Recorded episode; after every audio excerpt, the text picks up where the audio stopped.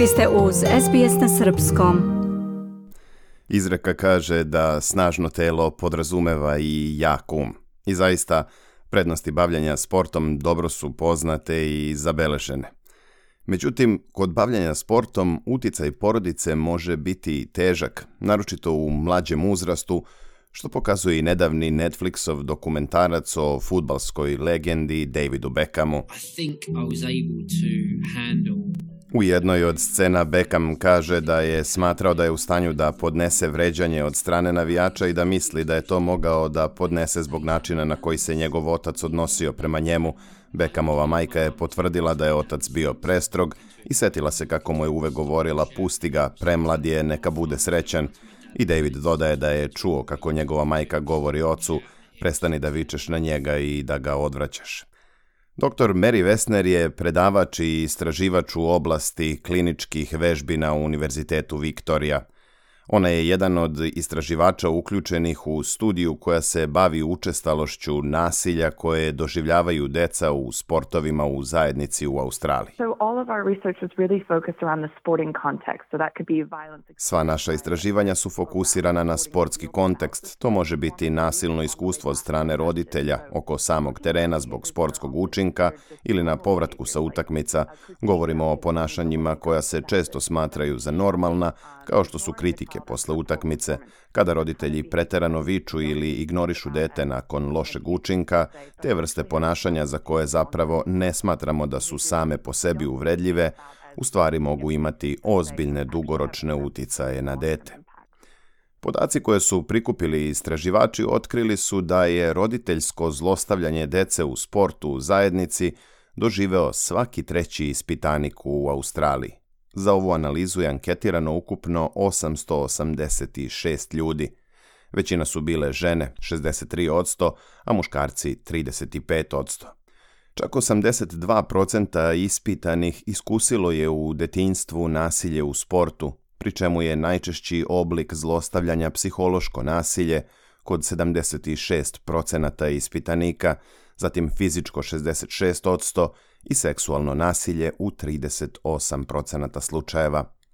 Dr. Vesner kaže da zlostavljanje doživljeno u sportu na nivou zajednice može imati mnogo sličnosti i sa onim u elitnom sportu. Smatram da često mislimo da postoji neka zamišljena granica između sporta u zajednici i elitnog sporta u kojem je učinak važniji, ali vidimo da se deca guraju na puteve elitnog sporta već od 5-6 godina – Tako da mentalitet učinka i ideja da treba da budete čvrsti što je kritično za decu zapravo mogu početi mnogo ranije. Tako da na nivou sporta u zajednici vidimo ponašanja koja se dešavaju i na elitnom nivou i to dvoje je apsolutno povezano, kaže dr. Vesner. Psihološko zlostavljanje od strane roditelja uključuje niz ponašanja kao što su ponižavanje, uvrede, preterana kritika i ignorisanje deteta nakon sportske aktivnosti. I ponašanje kao što je prisiljavanje dece da treniraju do iznemoglosti takođe je vrsta zlostavljanja. Vanredni profesor Sam Elliot je istraživač u oblasti psihologije, sporta, treniranja i omladinskog sporta na Univerzitetu Flinders u Južnoj Australiji. On treba da objavi preliminarno istraživanje odnosa roditelja i deteta u sportu sa fokusom na mlade od 18 do 25 godina koji su se bavili nekim sportom. There's some really key, I guess, Eliot kaže da u analizi postoje neki ključni elementi koji pokazuju da psihičko zlostavljanje u sportu koje vrše roditelji prema sobstvenoj deci dovodi do otuđenih odnosa s roditeljima ili u najboljem slučaju do teškog održavanja odnosa. Znamo i da se žrtve nisu više bavile tim određenim sportom ili čak sportom uopšte. Takođe znamo da su ovi mladi ljudi razvili niz mentalnih bolesti kao rezultat tih iskustava iz detinjstva. Profesor Elliot kaže da postoje sličnosti s drugim oblicima psihološkog zlostavljanja, ali i neke jedinstvene razlike. Prema njegovim rečima, u ovoj dinamici barem jedan roditelj je primarni počinilac zlostavljanja, a drugi je najčešće podrška – Elliot kaže i da ponekad drugi roditelj možda pokušava da pomogne u tumačenju ili razumevanju zlostavljanja i time nenamerno dozvoljava nasilno ponašanje. Some of the examples of the parent psychological abuse Neki od primera psihološkog zlostavljanja roditelja su zaista zabrinjavajući, upozorava profesor Elliot. On kaže da je bilo primera gde su deca posle utakmice u automobilu verbalno uznemiravana zbog učinka u sportu. Često ih i fizički zgrabe za delove tela i protresu. Postoji i mnogo manipulacija u ponašanju kao recimo da dete neku hranu može ili ne može da jede u zavisnosti od onoga što prikaže na utakmici. Ovakve stvari mogu da stvore situaciju koja ne samo potkopava decu, već i njihovo samopoštovanje, svest o sobstvenoj vrednosti i njihovu sposobnost da pronađu smisao za dobar učinak, trud i za dalje bavljenje sportom. Kao i kod većine zlostavljanja postavlja se pitanje zašto bi se roditelj ponašao prema detetu na takav način i šta se tu može učiniti. Evo šta o tome misli dr. Mary Wessner. Ona smatra da to nije voljna misa o kojoj razmišljaju roditelji u smislu namere da slome svoje dete, već do takvih situacija dolazi jer se sve to dugo normalizovalo u sportu.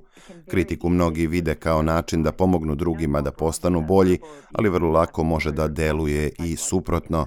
Znamo da verbalno zlostavljanje može imati slične dugoročne psihološke posljedice kao iskustva seksualnog zlostavljanja dece, ali jednostavno ne govorimo o uticaju verbalnog zlostavljanja na isti način i mislim da roditelji ne pokušavaju da urade nešto loše, već verovatno žele da pomognu, ali moraju i da razmišljaju o potencijalnim uticajima reči koje koriste i načina na koji komuniciraju s decom, kaže Vesner.